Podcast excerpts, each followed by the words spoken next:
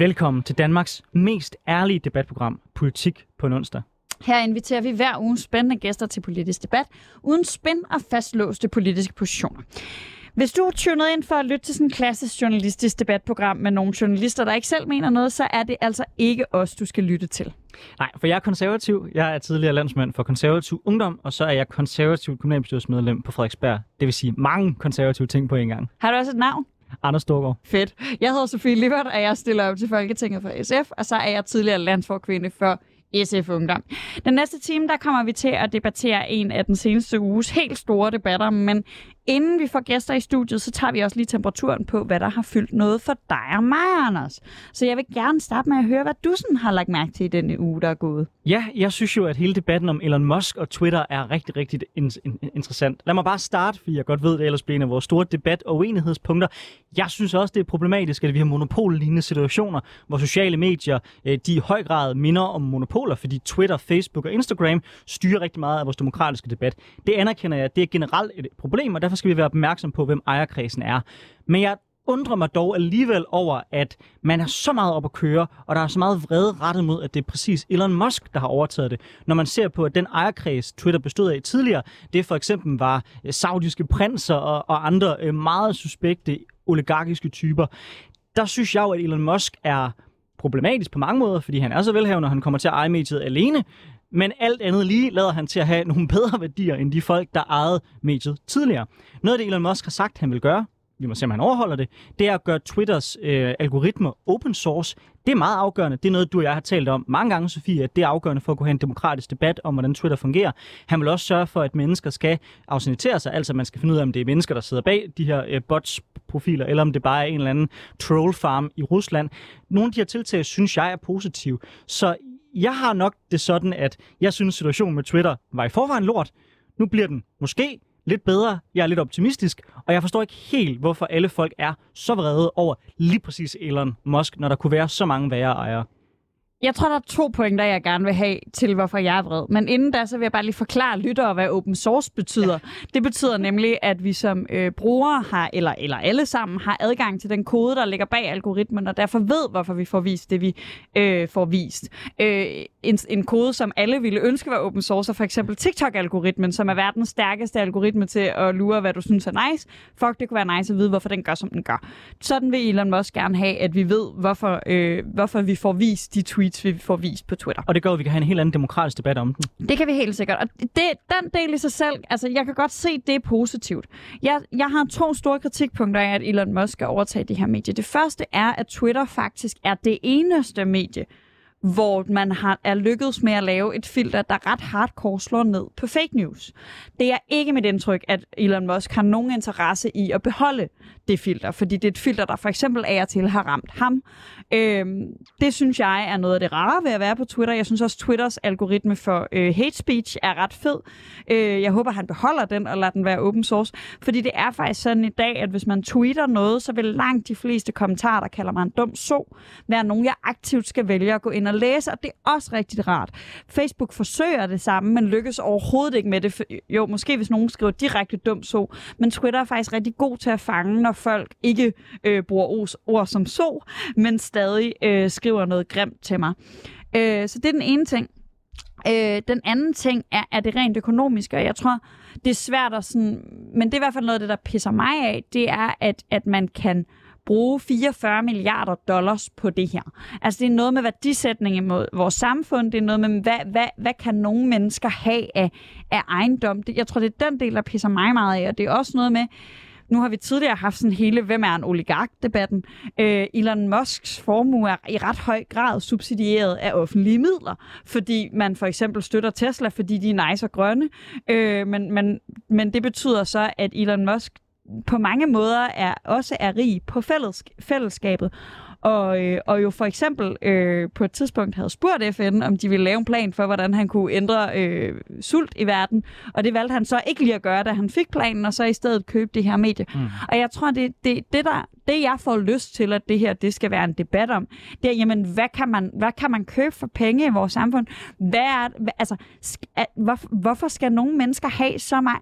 Fordi jeg tror også, 44 milliarder, det er svært for folk nødvendigvis at forstå, hvor meget 44 milliarder er, for det, det er den klassiske med milliarder og millioner glider nogle gange lidt sammen. Mm. Men 44 milliarder er altså 44.000 millioner. Det er altså virkelig vanvittigt mange penge. Øhm, og jeg tror, det er den debat, der er mere interessant øh, end om Ila, fordi nej, altså ejer, ejerkredse af, af, af store, øh, mange milliardære virksomheder er jo altid problematiske. Men der er noget problematisk i, at han kommer til at eje det alene, det nævnte du selv, og så er der noget problematisk i selve beløbet. Og så frygter jeg, at, øh, at der vil være mere fake news, fordi det synes Elon Musk er mere nice. Jeg vil så gerne have responderet på meget af det her, men vi bliver også nødt til at spørge dig, Sofie. Hvad har fyldt noget for dig i ugen, der er gået? Jamen, det har øh, en, en, sådan en lidt lille ting, jeg lige opdaget, at der øh, Foreningen for Folkehøjskoler øh, samler ind til, at øh, ukrainske flygtninge kan komme på højskole. Øh, man må ikke gøre det gratis i dag, hvilket jeg synes er en dårlig idé, at man ikke må, men man må sænke prisen fra ca. 1.500 kroner om øh, ugen til ca. 500 kroner om ugen. Øh, og, og generelt så kan jeg ret godt lide, når noget af det, som vi på tværs af det politiske spektrum er enige om, er nice og dansk foreningsliv, øh, øh, folkehøjskole, så er vi lidt uenige om, om det der kirke og sådan noget, det er så dansk, men vi er faktisk ret enige om, at folkehøjskoler og foreningsliv er en dansk ting, og når vi kan bruge det til positiv integration, det synes jeg er enormt positivt, og jeg drømmer lidt om, at folkehøjskolerne generelt kan spille en større øh, sådan øh, rolle i integrationen af unge mennesker, øh, unge flygtninge øh, og egentlig også ældre flygtninge. Nu er det typisk unge, der går på de fleste folkehøjskoler, men der findes også folkehøjskoler for ældre. Og jeg håber, at det her det kan være startskuddet på, at vi ser de positive effekter af at gøre det meget billigt eller for helst gratis for flygtninge øh, at blive en del af noget så dansk som folkehøjskolerne generelt synes jeg bare, det er fedt, når det danske civilsamfund træder ind og ligesom prøver at udfylde en rolle. Jeg synes, det er et fint eksempel på det. Jeg vil også gerne rose Danmarks Socialdemokratiske Ungdom for lige at have doneret 50.000 til Ukrainekomiteen, øh, så de er også med til at bidrage på den måde. Altså generelt den måde, det danske civilsamfund har steppet op her under Ukrainekrisen. Og det er uanset om det handler om støtte til den ukrainske modstandskamp, om det handler om at integrere ukrainske flygtninge, om det handler om at sikre, at de bliver en del af vores fællesskab og vores skoler. Altså nu sidder jeg i kommunalbestyrelsen på øh, Frederiksberg, der er virkelig også nogle øh, skoler, der har steppet op der og virkelig gør meget for at prøve at få de her ukrainske børn ind. Det synes jeg er imponerende og rørende, den måde folk ligesom øh, bruger kræfter på at hjælpe med at få de her folk ind.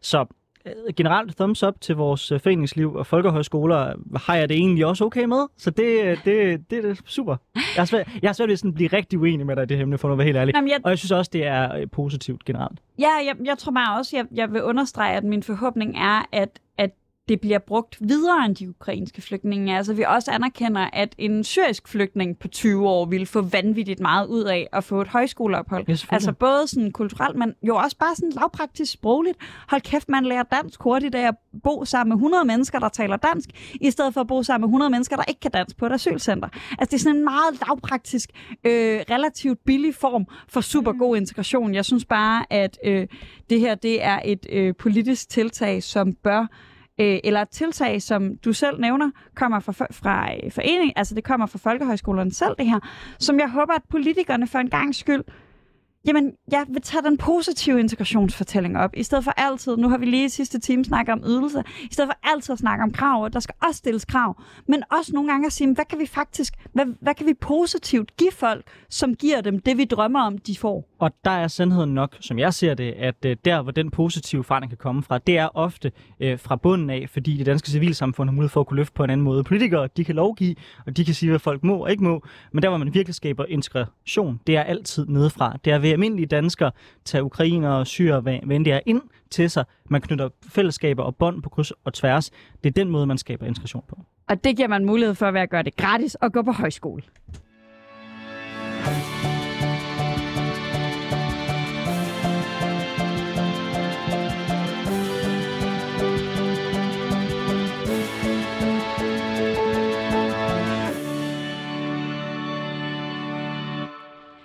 Du lytter til Politik på en onsdag med Anders Storgård og Sofie Lippert, og vi er så småt ved at få gæster ind i studiet, men inden vi byder velkommen til dem, så skal jeg jo også lige minde dig om, at du kan deltage i debatten. Det kan du gøre ved at downloade 24-7-appen, hvor, der er, øh, hvor du kan finde programmet Politik på en onsdag, som du lytter til lige nu, og så kan du deltage i chatten. Det kan du altså gøre under den her debat, hvis du har et spørgsmål til de gæster, vi har stu- med i studiet.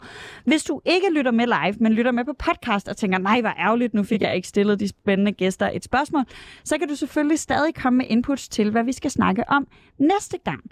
Øh, så vil vi øh, tage dem med, når vi beslutter, hvilke politiske emner, der skal have vores fokus på næste onsdag. Og her i studiet, der har vi fået besøg af vores første gæst. Det er dig, Anna Bjerre. Du er fra Den Grønne øh, Ungdomsbevægelse. I har skiftet navn tidligere hed I Den Grønne Studenterbevægelse. Yes. Øh, men øh, hvad, hvad har fyldt noget for jer lige nu? Jeg tænker, der er masser af klimating at tage fat på. Ja, der er rigtig meget.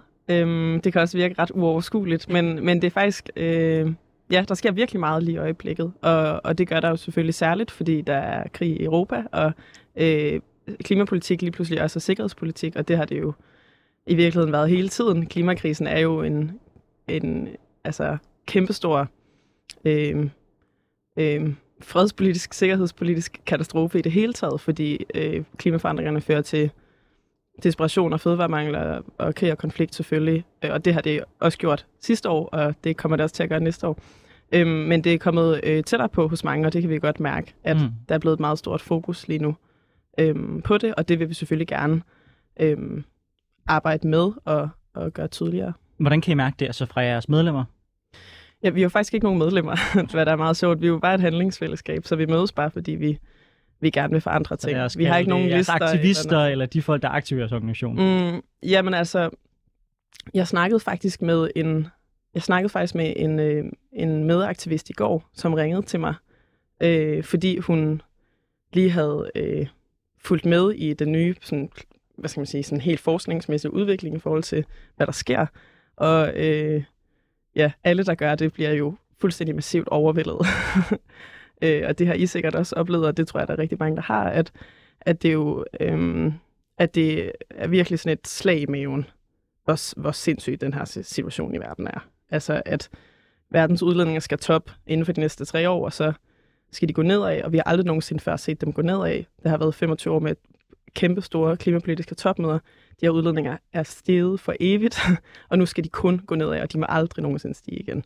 Altså bare at nå dertil er jo vanvittigt, og, og, og det snakkede vi lidt om i går, mig og min medaktivist der, og og i det hele taget er det den sådan fuldstændig sådan akutte følelse af øhm, den forandring, der er nødvendig, som, som vi arbejder med, altså som vi forsøger at gøre tydeligere og få ind i mainstream politik, og altså at klimapolitik er ikke bare et politisk emne blandt alle mulige andre politiske emner, og noget, man lidt kan gå til og fra, som det passer ind i ens politiske aftaler fra regeringens side for eksempel, men faktisk noget, der er fuldstændig øh, står over alt andet, fordi det handler om mennesker. Altså det handler om vores, vores globale fremtid og, og relaterer sig til alle andre konflikter, der findes.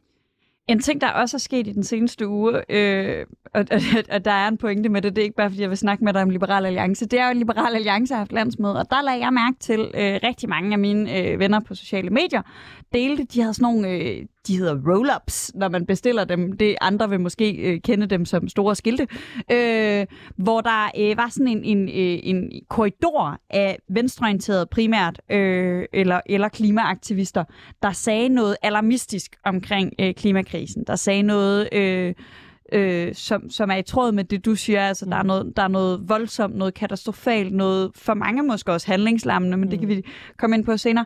Øh, men, men der er noget alarmistisk i det, og så sluttede det ligesom af med sådan en kæk Alex Vanopslag. Det var også nogle billeder, hvor de så meget alvorlige ud, alle sammen. Greta Thunberg, Pia Olsen Dyr og Mette Frederiksen og sådan noget. Øh, og så øh, sluttede det af med sådan lidt kæk, øh, hvad hedder det, øh, Alex Vanopslag, og, og en tekst i retning af mindre frygt, mere handling, eller sådan, mm. øh, eller vi skal nok klare den, agtig stemning. Mm. Øh, og jeg bliver sådan lidt interesseret i, fordi du omtaler jer som et handlingsfællesskab, men, ja. men jeg føler også den der handlingslammelse, når du siger det der. Når jeg læser en IPCC-rapport, så er jeg sådan, Ja. fuck, der er ikke noget, vi kan gøre. Ja. Øhm, Men Er- IPCC-rapporterne siger jo, at der er virkelig meget, vi kan gøre. Jeg tror, Ja. ja. grunden til, at vi bliver ved med at tale som klimaaktivister om, om hvor omfangsrigt det her problem er, er fordi det er som om, at det ikke rigtig er sunket ind endnu. Og hvis vi skal have en handling, der på en eller anden modsvar, på, må, altså på nogen måde modsvarer den her udfordring, øh, vi står overfor, så bliver man nødt til at forstå udfordringen. Og det er ikke rigtig trængt igennem. Hvad, hvad vil det sige for eksempel at lave ambitiøs handling? Altså det er også noget, jeg river mig i håret over hver dag. At øh, vi har politikere hele vejen gennem det politiske spektrum, som hele tiden taler om, hvor ambitiøse de er. Hvad betyder det overhovedet? Altså betyder ambitiøs bare, at man hopper lidt højere end sidste gang, eller betyder det, at man faktisk hopper over hegnet? Altså, og, og jeg tror, at jeg tror, at det der med at tænke i den skala, der er nødvendig, mm. er helt sikkert første skridt. Og det er jo, i virkeligheden er det meget lidt vidt, altså der er jo ikke nogen af os, der har nogen interesse i at skabe panik over, eller frygt, mm. eller sådan, men, men vi har en interesse i at understrege alvoren, og vi har en interesse i, at, at den handling, der er, øhm, faktisk er øhm, reelt ambitiøs, faktisk er, hvad der er nødvendigt at gøre. Øhm, og det kræver bare, at folk kender omfanget du og jeg bliver ikke uenige om, hvorvidt at den handling, der foregår lige nu, er ambitiøs nok, øh, eller hvorvidt det går for langsomt. Mm. Men hvis jeg må nuancere det, du siger også, mm. så er det jo også korrekt, at da man lavede nogle af de første rapporter, øh, der var man i et langt værre scenarie, fordi den kunne så meget mere ud til at gå direkte op i himlen, altså stige meget, meget markant, hvor det, man ser nu trods alt, det er, hvad kan man sige, at tempoet i stigningen flader ud, så selvom det går for langsomt, selvom der skal være mere handling, bliver du ikke også nogle gange lidt positiv over, at der trods alt sker et eller andet? Fordi jeg må indrømme, at da jeg engagerede mig først i den her debat for, ja, det er jo så snart 15 år siden, så, så var det ret deprimerende at opleve, hvor, hvor mange der overhovedet, hvor mange stillede spørgsmål ved, om klimaforandringer overhovedet fandtes, og øh, hvor meget man bare havde sådan en total laissez-faire tilgang til det. Der er jo trods alt alt andet lige sket noget mm. siden da. Det går bare ikke hurtigt nok. Nej, det er jeg fuldstændig enig i, og jeg vil jo heller aldrig Altså, og sådan er det jo med alle dem, jeg laver aktivisme sammen med. Altså, vi ville jo alle sammen ligge hjemme i vores seng og glo ud i luften, hvis vi ikke troede på, mm. at noget kunne forandres. Og det synes jeg er ret vigtigt at understrege. At det er jo netop fordi, at jeg, at jeg er håbefuld. Men det håb er ikke gratis. Altså, det håb kommer gennem handling. Altså, håbet kommer gennem ord, gennem handlinger, gennem energi og tid, man lægger i øh, alt det her arbejde. Øh, og uden det er håbet intet værd. Og det er jo også det IPCC-rapportens, øh, altså de forskere, der står bag den, siger, at, øh, at det kan, kan godt lade sig gøre, men det kræver, at de kalder det sådan rapid, deep and in most cases immediate emission reductions. Og det er bare i forskersprog fuldstændig grotesk. og, og, øhm, så jo, jo, helt sikkert, der sker rigtig meget, men, men, øh, men der skal ske, ja, selvfølgelig, der skal ske så meget mere. Det er der mm. jo ikke nogen, der er i tvivl om. Og, og, og det er jo bare stadig tilfældet. Og det er jo også det, der på en eller anden måde er provokerende, at, at hvis man hvis man altså det kan man jo blive ved med at sige, ikke? men der er jo også nogen, der skal tage det op. Hvad betyder det så, at der skal ske meget mere? Det betyder måske, at vi skal øh, acceptere, at vi skal leve på en helt anden måde, end vi gør. Det, det, altså, hvad betyder strukturelle forandringer? Det, det, det betyder, at noget skal laves om. At vi ikke kan komme til at leve på præcis samme måde i dag, øh, eller om 20 år, som vi gør i dag. Og at vi måske, øh, altså sådan, det er jo ligesom også, og det her med at tænke skala handler jo også om, at man, ikke bare, ikke bare siger, at vi kan skrue her, vi kan skrue her, vi kan skrue her inden for det etablerede system, men faktisk at man laver systemet om. Og det er jo også svært og diffust, og hvad betyder det egentlig? Men det handler jo blandt andet om, at man for eksempel stopper ny fossil infrastruktur, som virker sådan rimelig oplagt. Øhm, og det handler om, at man jo for eksempel, som vi sikkert også skal snakke om senere, laver en, en høj afgift på øh, forurening, så det kommer til at koste noget. Og det handler også om, at man laver øh, vores produktionssystemer helt om, og vores fødevaresystemer helt om, øhm, så de bliver reelt bæredygtige inden for planetens grænser, og stadigvæk kan sustaine os alle sammen, stadigvæk kan, kan sikre ordentlige levevilkår for alle. Øhm, ja, og, og den, øhm, den strukturelle kritik bliver vi ved med at komme med, men det er også fordi, vi oplever, at det stadig er meget få mennesker, der egentlig i det politiske system og i, hvad skal man sige, det generelle magthierarki i Danmark, øh, udover politikere også, øh, også topledere og sådan noget, øh, faktisk mangler, øh, mangler den her strukturforståelse, og mangler, en, mangler at forstå, at, at handling ikke bare er, at nu skal vi have øh, øh, 2,3 procent flere elbiler i om 25 år eller et eller mm. andet, ikke? Jeg, jeg synes, det er... Øh, altså, når man, hmm, når man er aktiv på venstrefløjen, så er man vant til den her sådan meget aktivistiske tilgang. Og, sådan, man, øh, og, og det er ikke, fordi alle aktivister er venstreorienterede, men det er sådan meget sådan klassisk venstreorienteret forståelse, at det kan rykke noget. Øh, men jeg oplever også, at meget af det, I laver i den grønne ungdomsbevægelse, er at forsøge at råbe nogle magthavere op, og måske især politikere. Og når du taler, du var lidt inde på det nu, når du taler om den her strukturelle forandring, fordi hvem fanden er det, der skal gøre det? Altså fordi mm. nogle gange den klassiske ungdomsfølelse i det her er jo, jamen sådan, så holder jeg op med at spise kød. Mm. Og øh, jeg, jeg ved ikke, om du spiser kød, men jeg spiser ikke kød, men jeg tror heller ikke, det er det, der redder jorden. Mm. Altså jeg, jeg, jeg, jeg, kan ikke, jeg kan ikke gå ud i verden og spise kød, fordi kloden fucking brænder. Men jeg tror heller ikke, kloden holder op af at brænde af, at jeg ikke spiser kød. Øh, og, og det er det, altså sådan, så kan man samle sig i et handlingsfællesskab, i et politisk fællesskab, et eller andet. Men uanset hvor meget håb jeg kan skabe af at møde folk som dig, og være aktiv med folk i SFU og sådan noget, lige så meget på de dårlige dage har jeg det lidt sådan, men det er jo nogle andre, der har ansvaret. Altså det er mm. nogle andre, der kan løfte dem her. Hvem er det, der der skal få os... Altså, hvem er det, der kan skabe den strukturelle forandring, hvis mener du? Øhm, men det er også et meget stort ja, spørgsmål, altså, men det vi mener jeg, jeg, lige på den anden gæst, ja. og derfor tænkte jeg, at vi godt kunne tage de store spørgsmål. Selvfølgelig. Det mener jeg grundlæggende, at alle kan. Øhm, men der er helt sikkert nogen, der har mere ansvar end andre, fordi med magt følger der et ansvar. Og, øhm, og det er jo sådan, at vores, hvad skal man sige, ja, det politiske system er struktureret sådan, at, at øh, vi har en masse politikere, der har magt, og, øhm, og derfor er det jo også meget dem, vi orienterer os imod. Men det er selvfølgelig ikke dem alene, der kan gøre de her ting, fordi det kræver også, at de kan se, altså det er jo bare sådan, det, man bliver også lidt desillusioneret, synes jeg, af at komme tæt på det politiske system i det aktivistiske arbejde, og det er vi, fordi vi holder helt vildt mange møder med politikere. Altså vi står ikke kun ude på gaden, vi sidder også inde i forhandlingsrummene og, og fremlægger vores krav og forklarer, hvordan øh, vi ser, at man kan, man kan stykke tingene sammen. Men man bliver desillusioneret af at opleve, hvor meget politik er baseret på vælgeranalyser og positioneringsstrategier og den slags ting. Og derfor betyder det også bare rigtig meget, hvad øh, alle andre end politikerne gør, hvad virksomhederne gør, hvad øh, industrien gør, hvad øh, civilsamfundsorganisationer gør. Ikke så meget på individplan, fordi jeg er sådan set enig med dig i, at man, altså jeg synes selvfølgelig, at man i det omfang, man har lyst og kan overskue det, skal forsøge at, at leve bæredygtigt selv. Mm. Men det kan man jo ikke. Det kan man kun til en vis grænse. Og efter det, så kræver det, øh, at nogle andre også øh, indretter tingene anderledes. Men Anna Bjerre, ja. er det ikke bare sandheden, at demokrati er lidt en supertanker, der nogle gange tager tid at vinde. Det er i hvert fald min erfaring med at være politisk aktiv, siden jeg var 11 år gammel. Det er, at forandringen kommer aldrig lige så hurtigt, som man gerne vil have, at den, den skal komme.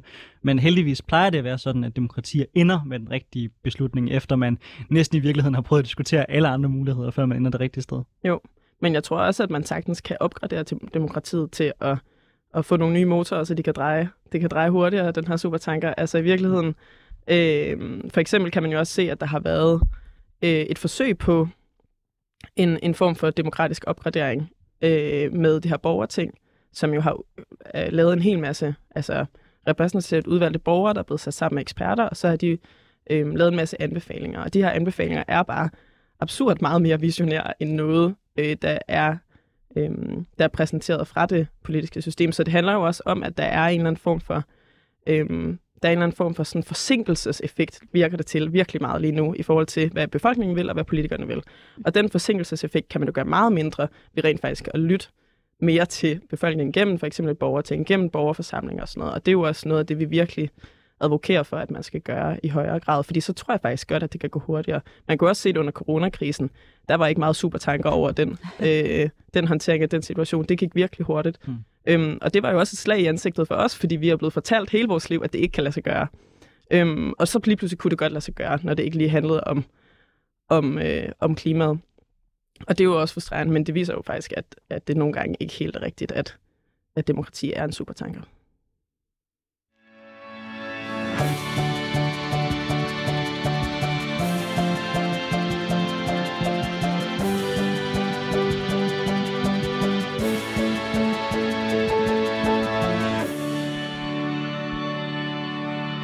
Du lytter til Politik på en onsdag med Anders Storgård og Sofie Lippert. Lige nu der har vi besøg af Anna Bjerre, der er aktivist i den grønne ungdomsbevægelse.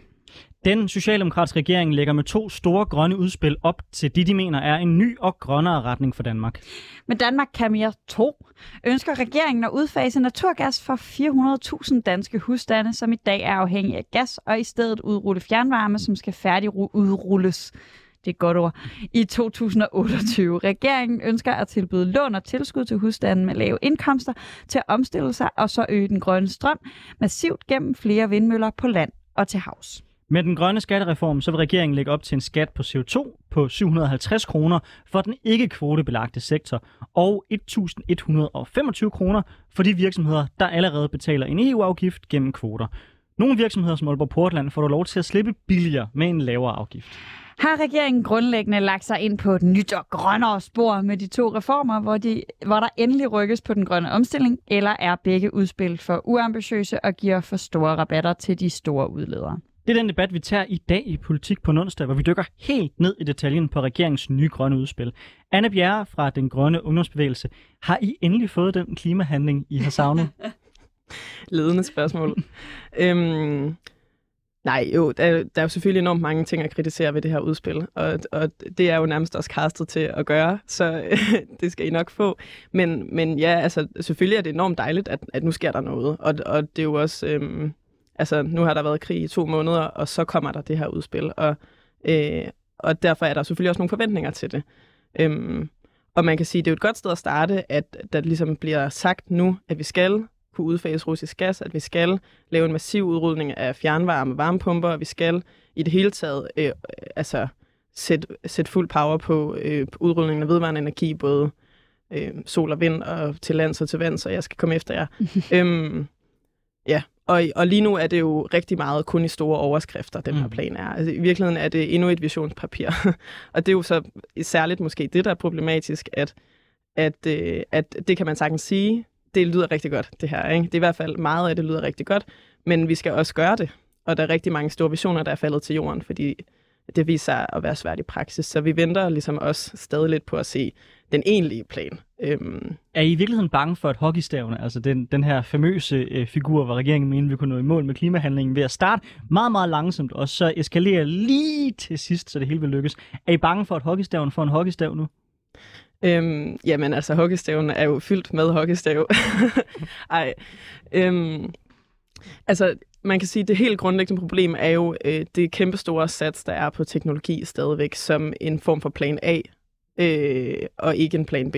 altså, at man forsøger at lægge planer for, hvordan skal vi rydde op efter os selv, i stedet for faktisk at lade være med at svine i første omgang. Øh, og det kan man jo både se i ja, Danmark kan mere 2, det lyder lidt som et computerspil, synes jeg, men, men som er det her nye visionspapir, eller, eller øh, også for den nye, det nye udspil til en skattereform, der kommer, og de forhandlinger, der er i gang om CO2-afgiften, der er det gennemgående element, og som er det store, store, store problem, at i stedet for at fokusere øh, konkret på, hvad kan man gøre i dag, hvad kan man gøre lige nu, og faktisk at håndtere den her situation som en krisesituation, som det jo er, øh, vil jeg våge at påstå, øh, i stedet for at tænke, når man bliver ved med at tænke langsigtet, og noget gør vi måske på den her, den her abstrakte måde langt ud i fremtiden. Fordi det, der er rigtig meget brug for, det er, at der sker nogle ting i dag. Den her grønne skattereform har jo været øh, undervejs meget længe, og, og vi ved, vidste også alle sammen, at der ville komme et Danmark kan mere 2, efter vi havde gået og kaldt det første Danmark kan mere 1 længe. Det er jo sådan øh, en, en nem måde at signalere, at der kommer en toer. Øh, jeg, og jeg, jeg, jeg kan mærke, at min, min sådan, impuls er at være sådan, øh, nu kommer der noget, men det er ikke godt nok. Øh, hvis, hvis nu der havde stået en ældre socialdemokrat i det her studie, så kunne vedkommende jo måske føle, at man aldrig kan gøre noget rigtigt. Altså, at man, man, der er blevet råbt på grøn skattereform, nu kommer man med et udspil, så er udspillet ikke godt nok. Og sådan, altså, mm. Mm. øhm, og, og det er jo vores rolle som unge aktivister aldrig at stille os tilfredse, men, men du er også selv lidt inde på det. Altså, kan, kan vi trods alt øh, sådan, øh, ånde lidt lettet op, fordi der trods alt sker noget, eller, eller kan, vi, kan vi trække vejret to sekunder, eller skal vi bare råbe videre? Altså, det ville jeg ønske, vi kunne.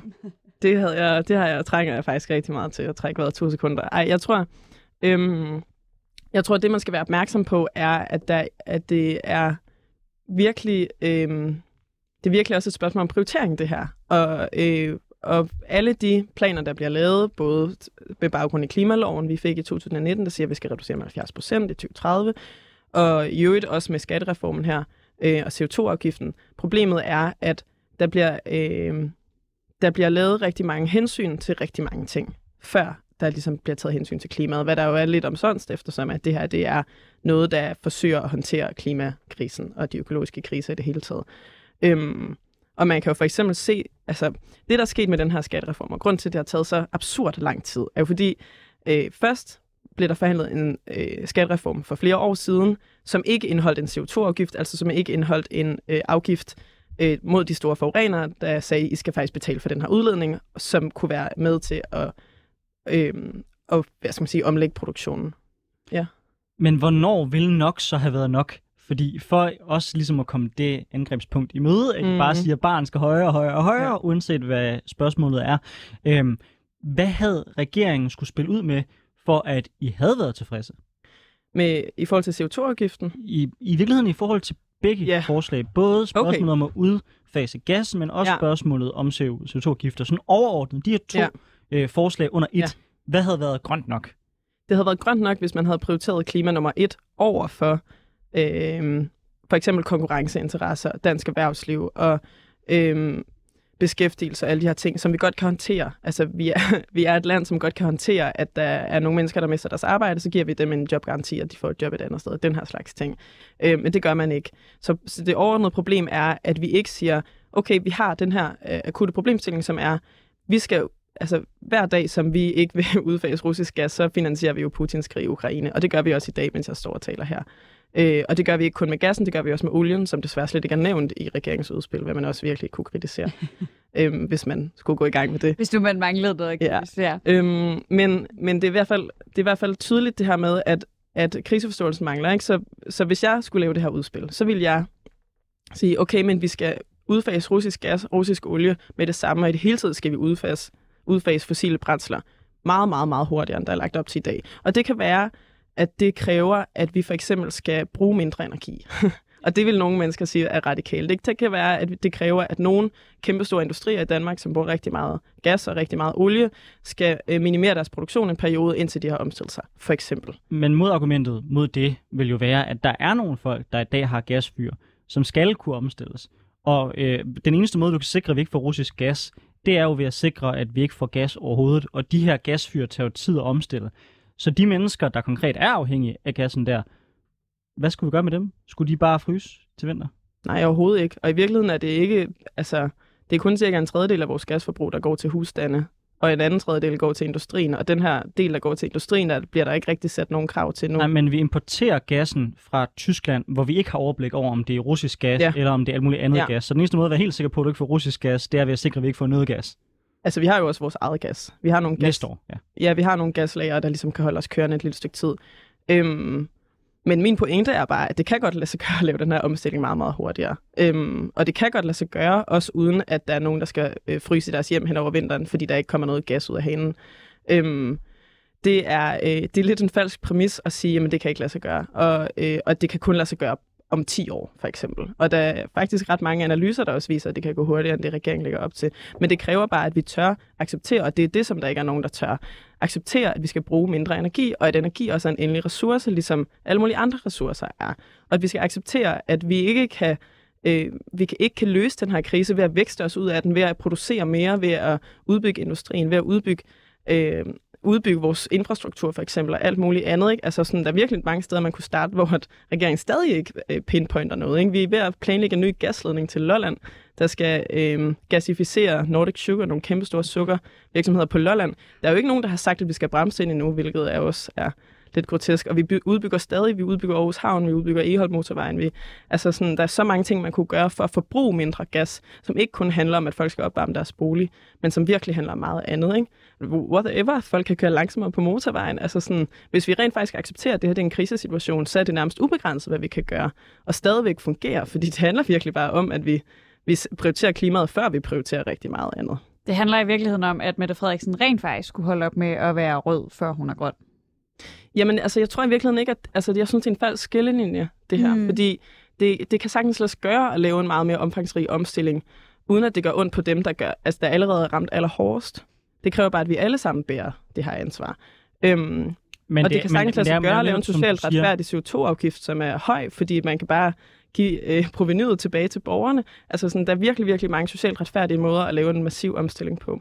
Men som du selv siger, så er det jo en prioritering. Så i sidste ende, så bliver det jo også et valg mellem, okay, de penge, vi får ind, skal vi Mm. bruge dem på velfærd, eller skal vi bruge dem på grøn omstilling? Så kan man selvfølgelig hæve skatten, og på den måde prøve at få nogle flere penge ind. Men det er alt andet lige også en afvejning, der hedder, okay, de penge kunne ellers have blevet brugt på velfærd også. Så det er jo en prioritering i sidste ende, er det ikke?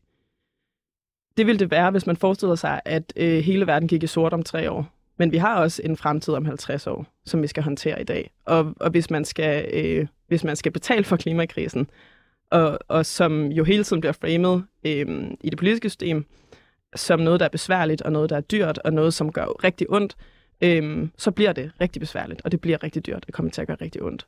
Men man kan faktisk også bare sige, okay, det bliver rigtig, bill- rigtig meget billigere at gøre det nu, end det gør øh, om 50 år. Øh, og bare det argument burde overbevise de fleste økonomer.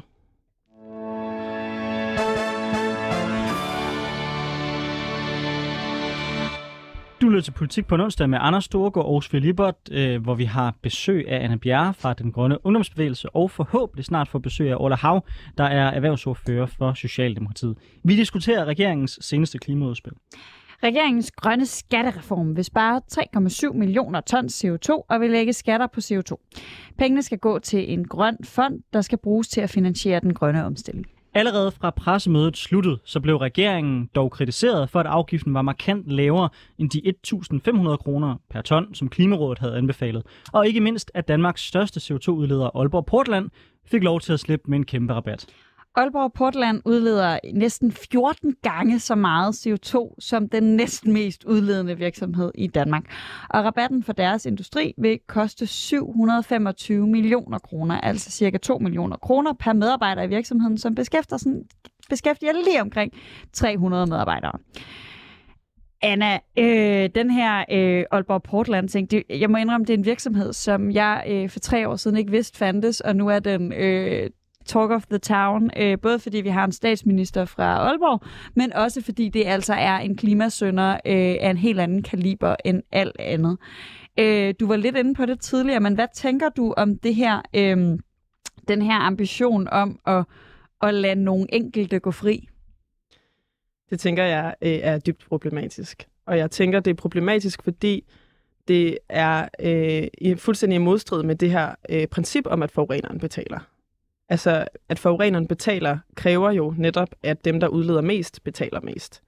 Øhm, og det kan være enormt svært for de virksomheder, men det er præmissen i, at vi står midt i et økologisk kollaps i virkeligheden. Og, øh, og der er ikke så meget at rafle om. Hvis ja. jeg havde Aalborg Portland øh, med her i studiet, så er jeg sikker på, at de vil sige, at øh, med den pris, som man regner med, at øh, EU's kvoter kommer til at have i 2030, så kommer de faktisk i forvejen til at betale mere end det, som den ikke-kvotebelagte sektor gør, så er udfordringen måske ikke i stedet for, at man faktisk har lagt den CO2-afgift, der er på den ikke-kvotebelagte sektor, for lavt, og man skulle have haft det hele højere, frem for at man jo giver en rabat her, men det er jo en rabat til nogen, der måske kommer til at betale mere end den ikke-kvotebelagte sektor. Ja, altså det kan man jo grundlæggende ikke vide. Det, er jo, det her det er jo et form for sådan, øh, en økonomisk fremtidsforestilling, som, som øh, man bare gætter på. Altså man gætter på, at kvoteprisen er 750 kroner i 2030, men man aner det ikke, fordi den, er, den fluktuerer med markedet. Øhm, og det øh, vi derfor også siger i den grønne ungdomsbevægelse, og som vi forsøger at gøre meget tydeligt, er, at øh, vi ikke skal være afhængige af den her kvotepris. Altså på den måde, at der skal være en bundpris, der skal være et noget, der sikrer, at øh, uanset hvad kvoteprisen bliver, så kommer man til at betale det her, og man kan altså betale et vist niveau, men helt I, grundlæggende. Men I mener vel ikke, altså I siger, I tilhænger af en ensartet CO2-afgift, som Ja. jeg forstår jer, Ja. så mener I vel ikke, at hvis kvoteprisen er 1000, og vi så har en CO2-afgift på 1000, så skal virksomhederne betale 2000 per ton. Det er vel ikke det tankegang er med en ensartet afgift? Nej, nej, præcis. Øh, nej, den ensartede afgift går jo ud på, at alle skal betale lige meget, men fordi kvoteprisen fluktuerer, så bliver man nødt til at kunne, kunne sikre, at man stabiliserer den fra, fra dansk side. Det er bare det, jeg siger. Mm. Øhm, Jeg bliver sådan, øh, og det er også bare fordi nu øh, henter vi lige argumenter, vi har hørt før. Øh, et, det klassiske klimaargument er jo, er jo den gode gamle øh, lækageargumentet. Øh, og Aalborg Portland er, øh, de laver cement øh, for resten til vores lyttere. Man, man mm. taler tit om Aalborg Portland. Jeg er ikke sikker på, at alle ved, hvad Aalborg Portland foretager sig. Øh, det er en cementfabrik, og jeg hører øh, af og til, primært på Twitter, folk der er sådan, jamen Aalborg Portland skal bare lære at lave grøn cement. Øh, og, og altså, det er jo et argument, der går igen. Det er et argument, der også kommer, når vi snakker om landbrug, at det hjælper ikke, at vi ikke producerer svin, for folk spiser stadig svin, og så spiser de bare nogle mindre grønne svin, hvilket lyder mærkeligt, men, men folk forstår, hvad jeg mener. når vi snakker dansk forgangsland og sådan noget, er der sådan en pointe i, at vi skal skabe nogle vilkår for, at vi kan være de grønne inden for alle brancher, eller ser du hellere, at, at Danmark holder op med at producere cement, holder op med at producere svin, holder op med at producere øh, andre ting, der er super problematisk for klimaet? Ja, altså som udgangspunkt, så er ting, der er super problematiske for klimaet, noget vi skal holde op med at producere. Og i rigtig mange tilfælde, så er de faktisk unødvendige. Øhm, og, det er, øh, og det er sådan i virkeligheden en grundsten for det her lækageargument.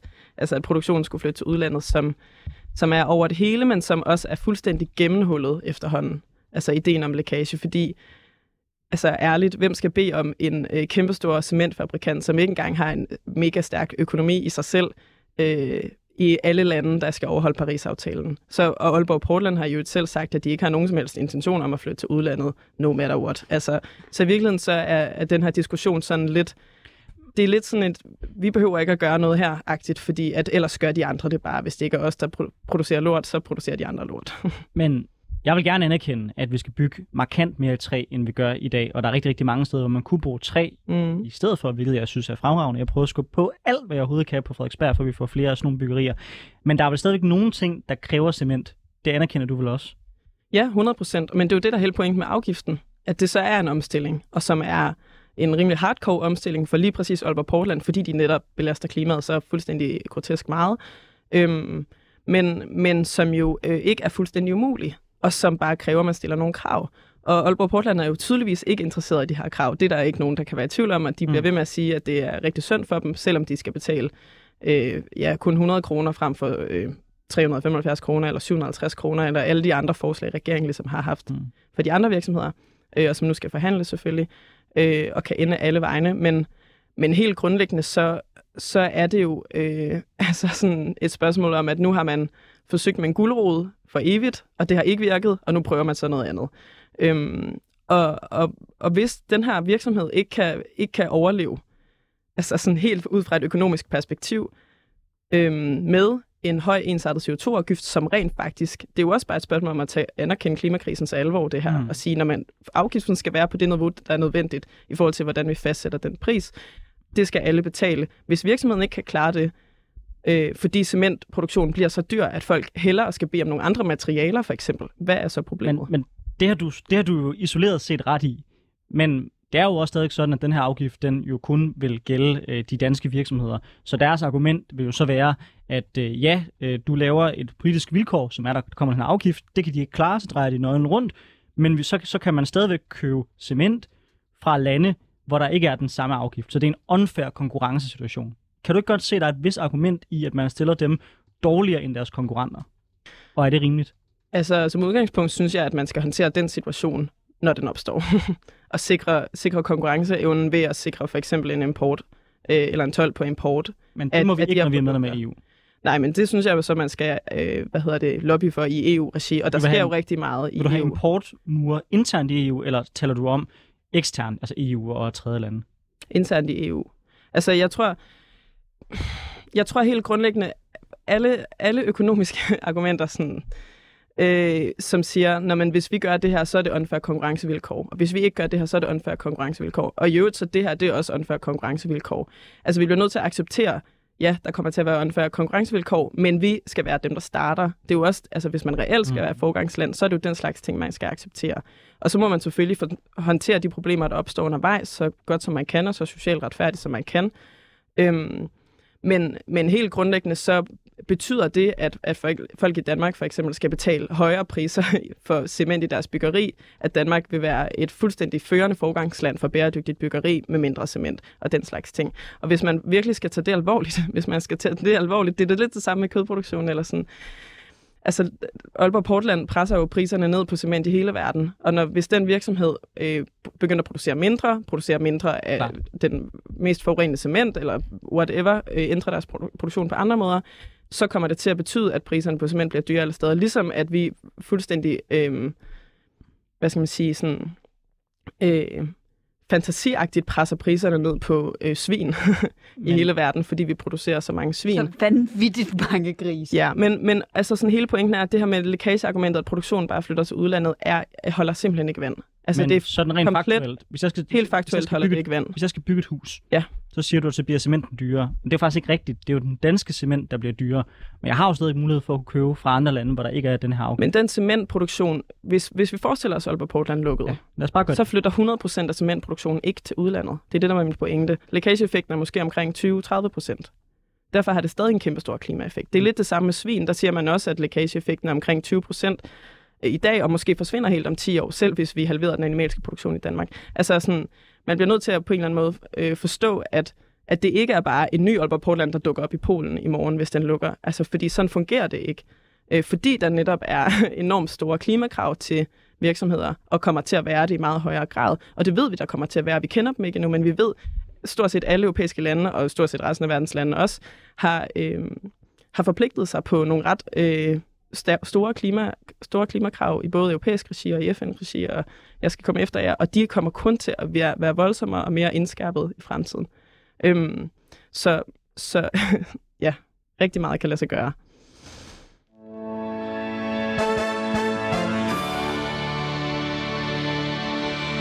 Du lytter til Politik på onsdag med Anders Storgård og Sofie Libert, hvor vi har besøg af Anna Bjerre fra Den Grønne Ungdomsbevægelse. Det lader ikke til, at vi når for besøg fra Orla, Orla Hav, øhm, men i hvert fald går vi nu videre til det, vi skal diskutere nu, og det er stadigvæk regeringens klimaudspil, der er fokuset. Ja, fordi øh, vi har grint meget af Danmark kan mere 1. Nu kom toeren. Vi har talt om øh, skattereform, men Danmark kan mere 2 er jo øh, en lidt anden størrelse.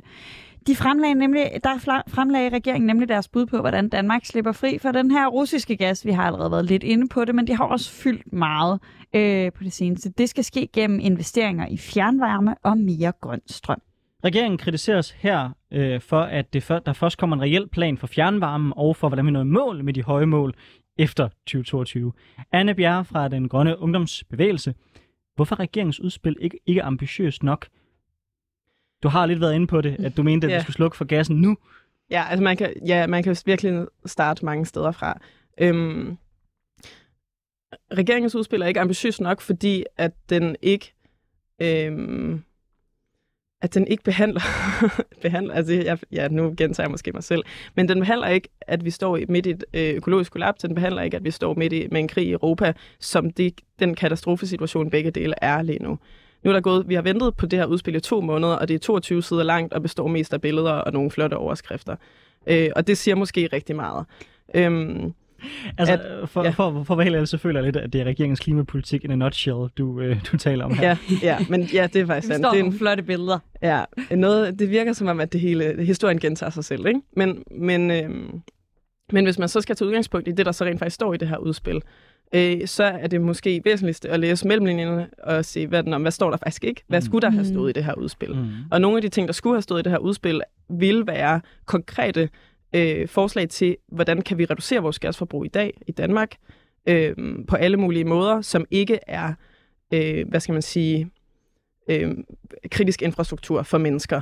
Øh, det mangler der. Det har vi, øh, fordi det er jo noget af det, der er et, et øh, meget stort politisk spørgsmål, og som regeringen burde ligesom gå foran for. Og det gør de slet ikke. Det, det spørgsmål tager de slet ikke op, og det, de starter slet ikke den debat om øh, energireduceringer nu i forhold til gas, og også i forhold til olie, som jo, som jeg nævnte før, slet ikke er med i det her program, hvilket også er vanvittigt. Altså en syvende del af vores olieforbrug kommer fra Rusland, øh, og, øh, og det bliver der slet ikke taget højde for. Og det er jo lige så meget med til at finansiere krig, som gassen er, selvom gassen af en eller anden årsag fylder meget mere i, i sådan off- den brede offentlighed i dag. Som aktiv i klimadebatten, så har jeg sådan lidt en oplevelse, du var selv lidt inde på det tidligere i dag, med, med hvad hedder det, at, at vi så med corona, at man pludselig godt kunne håndtere ting meget akut, og jeg har sådan lidt en oplevelse af, at klima sådan, var den ting, vi ikke kunne håndtere akut, eller sådan, der er sådan, det er som om, der, der er sådan en ond forbandelse over klimaet. Øh, er du overrasket over, at Altså fordi på den ene side tænker jeg, at det var da positivt, at den her, altså intet positivt ved krigen, men trods alt skubber den på et eller andet. Men jeg er faktisk også lidt overrasket over, at den ikke skubber hårdere på. Altså som du siger, at, at, at vi ikke har de her... Øh, at, altså, er, er det klimaet, der er forbandet, eller, eller er det politikerne, der i virkeligheden øh, egentlig er lige så ligeglade med, med krig og russisk gas, som de er med klima, tror du? Mm, jeg synes, det er et rigtig godt spørgsmål, hvad problemet egentlig er. Fordi det er jo også noget, vi... Øh, altså kigger hinanden dybt i øjnene en gang imellem og spekulerer over, hvorfor, hvorfor går det så langsomt, og hvordan kan det være, at den her krisebevidsthed ikke trænger igennem? Hvordan kan det være, at vi aldrig ser nogle politiske forslag på klimaområdet, der faktisk håndterer klimakrisen som en krise? Øh, det, det undrer mig også meget, men jeg tror, at grundlæggende så handler det om øh, mod. Det handler om at, at ture øh, forstå, at det at håndtere klimakrisen i dag betyder, at vi skal på, gå på kompromis med mange ting, og at vi ikke kan fortsætte for eksempel med, for at tale i lidt store ord, øh, det nuværende vækstparadigme og ideen om, at vi kan vækste os ud af krisen, men også, at vi øh, også at det, at det at folk er bange for at træde nogen over tæerne. Mm. Men jeg tror egentlig, at sådan, den danske befolkning ikke er så bange for at blive trådt over tæerne. Selvfølgelig skal vi passe på dem, der er de allersvageste i vores samfund. Øh, det skal ikke være dem, der betaler den her pris, men det behøver det virkelig heller ikke at være. Folk kan godt tåle, at at de skal betale for, at vi skal omstille mm. os, fordi den bunden opgave, vi har ligesom ikke rigtig noget valg. Nu har du sagt det her flere gange med, at vi skal have et opgør med vækstparadigmet, og det er noget, som jeg rigtig gerne vil diskutere med dig i et andet program, ja. fordi der er vi bestemt ikke enige. Men vi er enige, i, igen. men vi er enige i, at det uh, selvfølgelig kræver prioriteringer, at man løser uh, klimakrisen. Og der kunne jeg godt tænke mig at spørge jer, fordi det man jo ser, når man så skal konkretisere, for eksempel hvor vindmøller skal ligge, det er, at nogle gange kommer sådan lidt en, en afvejning mellem for eksempel altså Miljøbevægelsen og Danmarks Naturfredningsforening på den ene side, der ja. måske ikke er særlig glade for at placere vindmøller nogle specifikke steder. nogle som helst steder. For eksempel.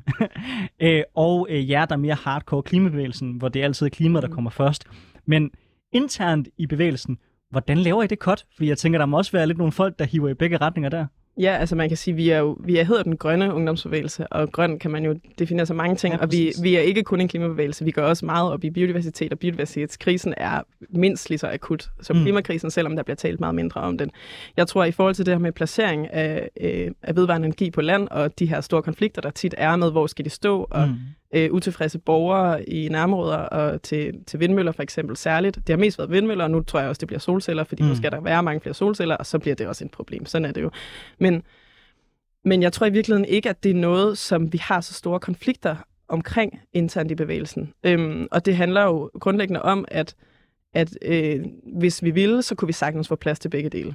Og det handler jo så om at zoome lidt ud og sige, men hvor, hvad, hvad går vores plads til i dag? Altså den danske arealanvendelse for eksempel. Ikke? Øhm, 60 procent af det danske, den danske jord øh, samlet set går til landbrug, og 90 procent af den, øh, den samlede landbrugsjord går til animalsk produktion og fødevare til dyr.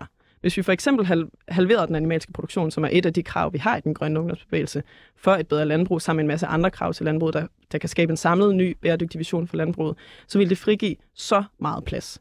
Det vil frigive plads til øh, natur, for det første, vild natur og biodiversitet, øh, uden konflikter, og, og helt sikkert til stor glæde for Danmarks Naturfredningsforening og, og mange andre borgere, der, der bare gerne vil have mere natur, hvor de bor. Øh, men det vil også kunne frigive plads til arealer, der for eksempel kunne bruges øh, til at opstille vind og sol på, og det kunne også frigive arealer, der kunne bruges rekreativt af, af borgere, og det kunne også fri, frigive kæmpestore arealer til at dyrke grøntsager, så vi faktisk kan altså, forstørre vores fødevareproduktion samlet set i forhold til i dag i meget højere grad. Anne Bjerre fra Den Grønne Ungdomsbevægelse. Tusind tak, fordi du var med. Og lidt ærgerligt, Sofie, at vi ikke fik mulighed for os at stille Socialdemokraterne en masse kritiske spørgsmål.